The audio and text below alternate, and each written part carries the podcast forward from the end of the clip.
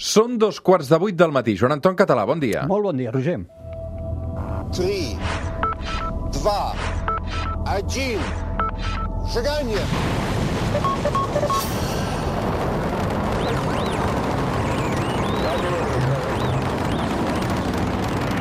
One small step for man,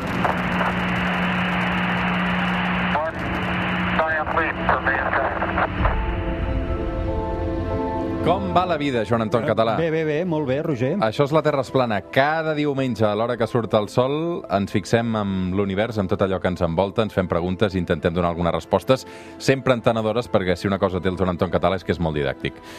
A veure, Joan Anton, avui és 24 de setembre, molta gent celebra la Mercè, però tu celebres una altra cosa.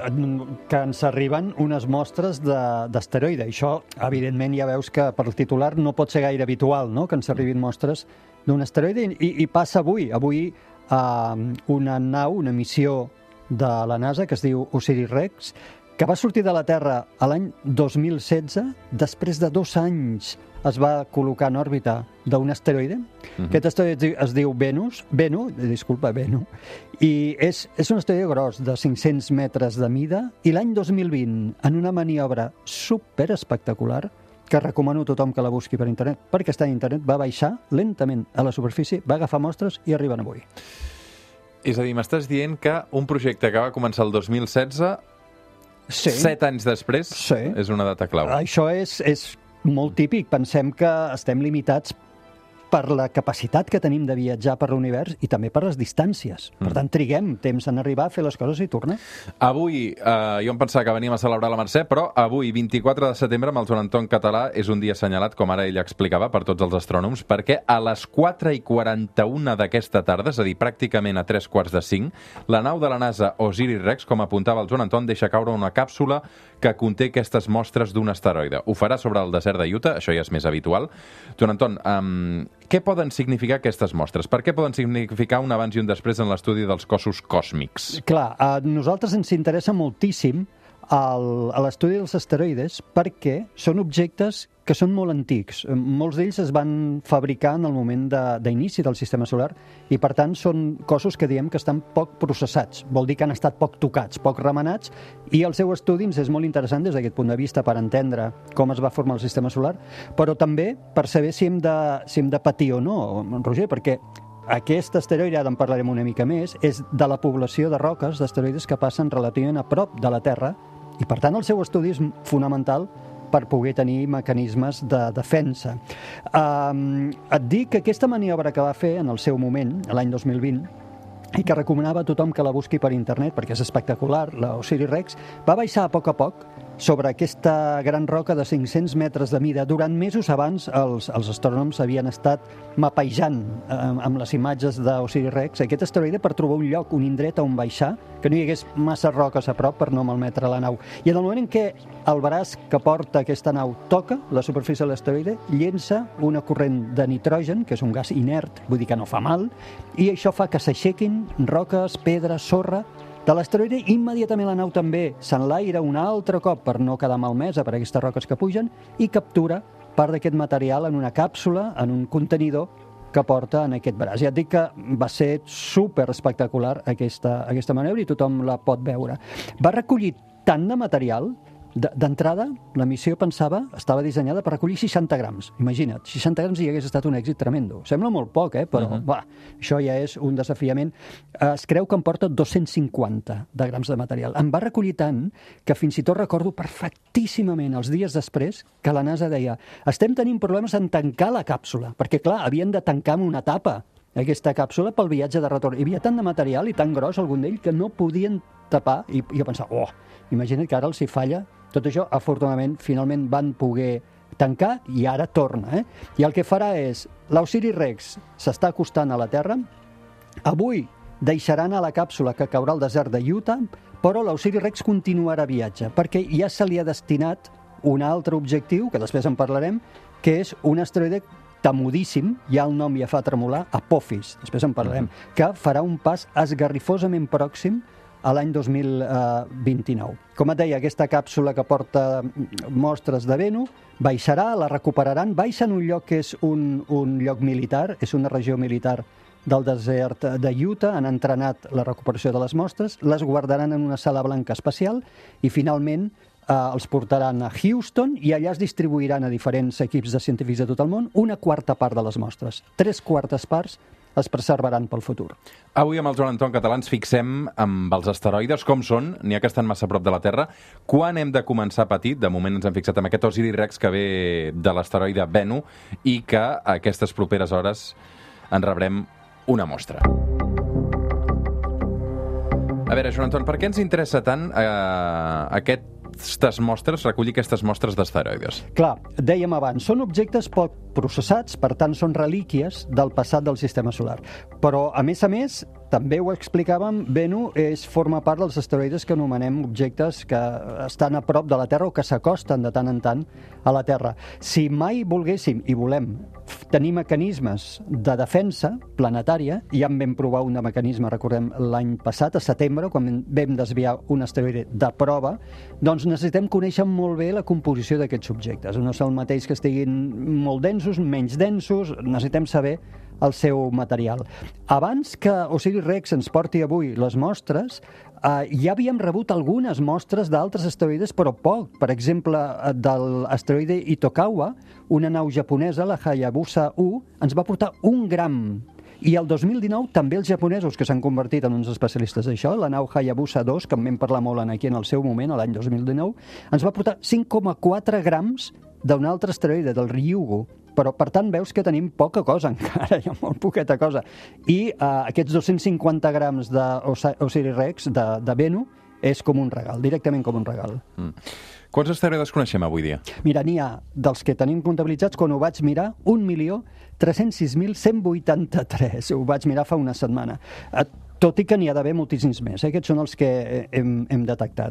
Clar, suposo que la majoria estan voltant per l'univers Sí. sense fer-nos gaire cas a nosaltres. Exacte. Però potser n'hi ha d'altres que sí que s'apropen una mica i això no ens fa tanta gràcia. No, i aquests són els que volem, volem estudiar. La major part orbiten tranquil·lament en una regió que és el conegut com a cinturó d'asteroides, que és entre Mart i Júpiter, però aquests altres que ens preocupen, de tant en tant, s'a- s'acosten bastant. Els anomenem, aquests que s'acosten, col·lectivament NEA, N-E-A, que en anglès vol dir Near Earth Asteroid, vol dir asteroids que estan a prop de la Terra i els classifiquem en diferents famílies, Apolos, Amors, Atons, en funció de com és la seva òrbita.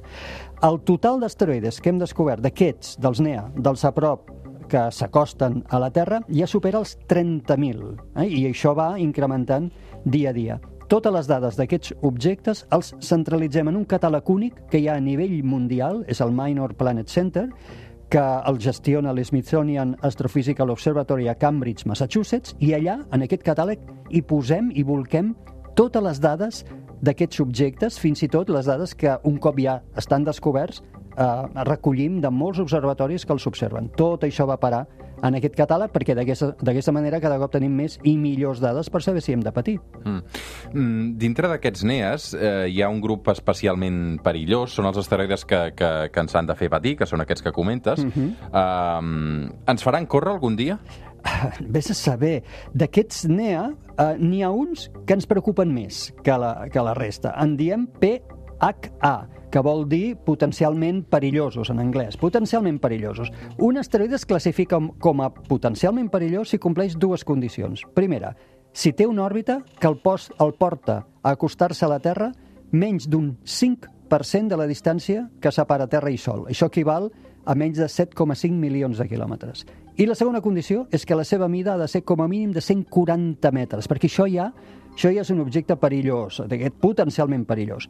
Un cop es detecten aquests PH, es monitoritzen constantment, perquè a més a més les seves òrbites poden ser pertorbades, de fet són pertorbades pels planetes o altres cossos, i això pot fer que mm, de sobte un objecte d'aquests que deies, val, aquest no ens hem de preocupar durant els, pro, els pròxims, no sé, centenars d'anys, doncs per una pertorbació que hagi tingut es converteixi de cop en un objecte que sí que cal vigilar, o a l'inrevés, eh? o un que podria ser perillós, la seva òrbita sigui pertorbada i deixi de ser-ho. Tenim diversos organismes i agències al món que fan aquest seguiment. I en aquest moment, xifra també, 2.350 d'aquests objectes que ens preocupen especialment. I 150 d'aquests tenen mides superiors al quilòmetre. Recordem que un impacte d'un objecte d'un quilòmetre o més té efectes planetaris. Home, imagina't. Planetaris. De... Suposo que més enllà de la mida, què determina quins asteroides ens han de fer patir més i quins no? Eh, Ara ho dèiem, la mida, això és claríssim, però també la velocitat. És com qualsevol xoc, no és el mateix xocar frontal que que et vingui pel darrere, per entendre'ns. Les velocitats en un, en un cas se sumen, en l'altre no se sumen. L'angle, l'angle d'impacte també té molt a veure, no és el mateix que caigui en un angle d'impacte molt baix o que caigui en vertical. Per tant, tenim la mida, la composició també. No és el mateix que sigui amb una composició molt metàl·lica que que sigui un objecte poc, poc dens, poc, poc agregat, no? Per tant, tot això, mida, angle, velocitat eh, eh, d'impacte i composició, tot això és el que eh, hem de saber estudiar per poder preveure l'efecte de l'impacte d'un d'aquests objectes. I què va passar amb l'asteroide Apophis? Molt bé, a l'Apophis. A l'Apophis, mira, de no, el nom, jo no sé tu, però el nom a mi ja no m'inspira res bo, Apophis. Sembla un déu grec, no? Eh, Sí, és, de fet, eh, és un nom grec, però que ve d'un déu egipci que es deia Apep, i Apep és, a la mitologia egípcia, el déu destructor, el de la nit, el destructor, l'enemic de Ra. I això és un asteroide de entre 400 i 500 metres de mida, per tant, una bèstia. Es va descobrir l'any 2004 i en aquell moment ens va fer tremolar perquè es va començar a calcular i es va veure que el 13 d'abril de 2029, ara recomanaré que tothom s'ho apunti a l'agenda, però no cal patir, 13 d'abril del 2029 hi havia una petita probabilitat d'impacte contra la Terra del 2,7%. Això, tot i que és petit, és com jugar a la ruleta russa. Diu, ostres, un 2,7%. Posteriorment, les dades que hem fet, eh, d'una manera molt curosa i molt precisa, han descartat totalment la possibilitat d'impacte de l'Apofis l'any 2029, però recomanava que tothom s'ho apunti a l'agenda, jo de tu també ho faria, Roger, perquè passarà aquell 13 d'abril de 2029 lliscant al costat de la Terra, passarà a 30.000 quilòmetres d'altura. Perquè et facis una idea, això és més baix que els satèl·lits estacionaris que tenim. Un objecte de 500 metres mai, des de que tenim registres, lògicament havia passat un objecte tan gros, tan a prop. Mira si Ens passarà... despentinarà d'alguna manera, Sí, no? a mi no.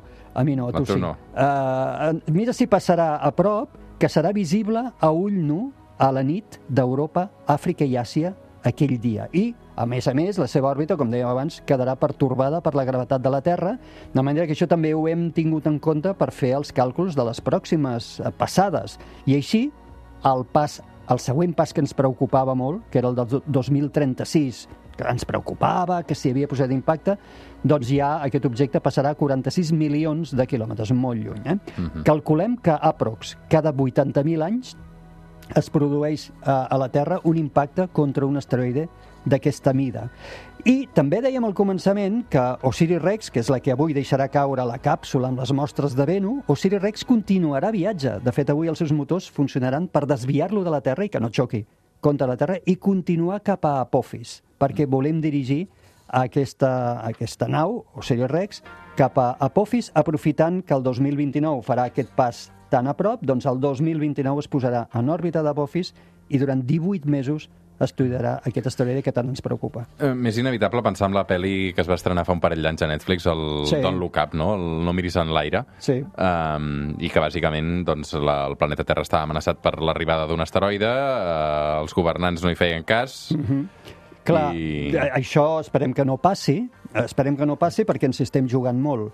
Uh, pensa que un objecte d'aquests que ara dèiem, un de, no sé, un, un de 160 metres, 180 metres, per posar el cas, depenent de tot allò que dèiem, eh? composició, velocitat, angle, d'acord. Si caigués sobre Barcelona, no només podria eliminar la ciutat de Barcelona, és que podria eliminar la zona metropolitana. Eliminar, vull dir, tenir efectes catastròfics a tota la zona metropolitana. Per tant, no, no podem jugar amb això. També t'haig de dir que no hem de fer cas dels fakes que constant, constantment surten, els, els humans són molt morbosos i ens agraden aquestes coses, que constantment surten dient s'ha descobert una asteroide que podria impactar... A veure, d'aquests grossos que estem dient, en aquest moment no se'n coneix cap dels grossos, eh, que tingui probabilitat significativa d'impacte contra la Terra en els pròxims centenars d'anys. Això no vol dir que demà no en poguéssim descobrir un d'aquests grossos. Tampoc no vol dir res dels petits, dels petits n'estan entrant constantment. I també ho vam explicant aquí, vaig calcular, per explicar-li a la gent d'una manera senzilla, que cada dia a la Terra cauen 27 elefants adults, que no cau l'elefant, cauen objectes petitons, que tots sumen com 27 elefants, i això són 42.000 tones de material a l'any. Afortunadament molt petits, la majoria es cremen a les capes altes de l'atmosfera i els que arriben a terra i toquen terra són molt petits, són micrometeorits molt petits. Mm. Però no podem jugar a la ruleta russa. Quins mecanismes de defensa planetària tenim? Uh, Armageddon no. És a dir, Bruce Willis, no. Eh? Uh, mm. Em sap greu perquè és un nyap de pel·lícula, no hi ha per on agafar. A mi m'estranya que hagin fet una pel·lícula tan mal feta des del punt de vista científic, una pel·lícula moderna. El que faríem, i el que vam provar a setembre, és enviar una nau no tripulada que xoqui. I xocant mou. Mou mil·límetres, però només que això ho fem amb molts anys d'antelació i ens assegurem de que aquest objecte no xoqui. Això ho vam fer el setembre passat, Mhm. defensa planetària per primer cop a la història, ho va fer una nau de la NASA que es diu DART, contra un asteroide que tenia 160 metres de mida, té, i es diu Dimorphos, i va funcionar perfecte. Primer cop a la història que ho fem. Ho haurem de practicar, eh? perquè això no vol dir que ja, ah, mira, ja ho sabem fer, i ho vam fer contra un asteroide de 160 metres de mida, que és molt, molt petitet. Per cert... La vam de- encertar, eh, per Sí, això. un dels fakes que es va fer famós, bueno, n'hi va haver dos. Un, sí que és perillós, però no ens ho dieu. Aquest va ser un fake típic, però el que més m'agrada, diríem, va ser el segon, que es va fer també, que és segur que no ho era de perillós, però ara segur que ho serà. Perquè com que l'heu mogut, ara segur que l'enviareu contra la Terra. Mira, Roger, jo al final el que et vull dir és, jo prefereixo... Mira, els dinosaures no van invertir en tot això. Van viure feliços. I ja no hi són. Sí, I ja no hi són. fins que un dia els van rebentar. No? Ja no hi són. El que vull dir, jo prefereixo que una part dels meus impostos vagin a pagar cultura, ciència, tecnologia, coneixement i no armes, i, i una part d'aquests que van a pagar ciència, cultura i coneixement vagin també a pagar coses com aquestes, com desviar un asteroide, com monitoritzar-los i desviar-los. Avui sembla que no ho necessitem, de moment, però vés a saber si els nostres fills, o els fills dels nostres fills, ho necessitaran algun dia, i ja paga la pena que comencem, no?, a fer mm. aquestes coses. I fer ciència, no? I fer pedagogia. Sí, i fer cultura. Sí, mira, l'altre dia em vaig emportar el criu al Cosmocaixa. Ah, Perfecte, perfecte. El que passa és que encara només li va interessar el bosc inundat. Bueno, home, Però el planetari, el planetari... Sí, és la catedral... Veus, llocs com aquests són les catedrals de la ciència i del coneixement. Pensa que eh, molts ens volen, Roger, i ho saps, sense cultura. Mm. Joan Anton Català, uh, d'aquí una estona repassem el temps i les hores en què es pon i surt el sol. Una abraçada. Fins igualment. ara. Ara tornem.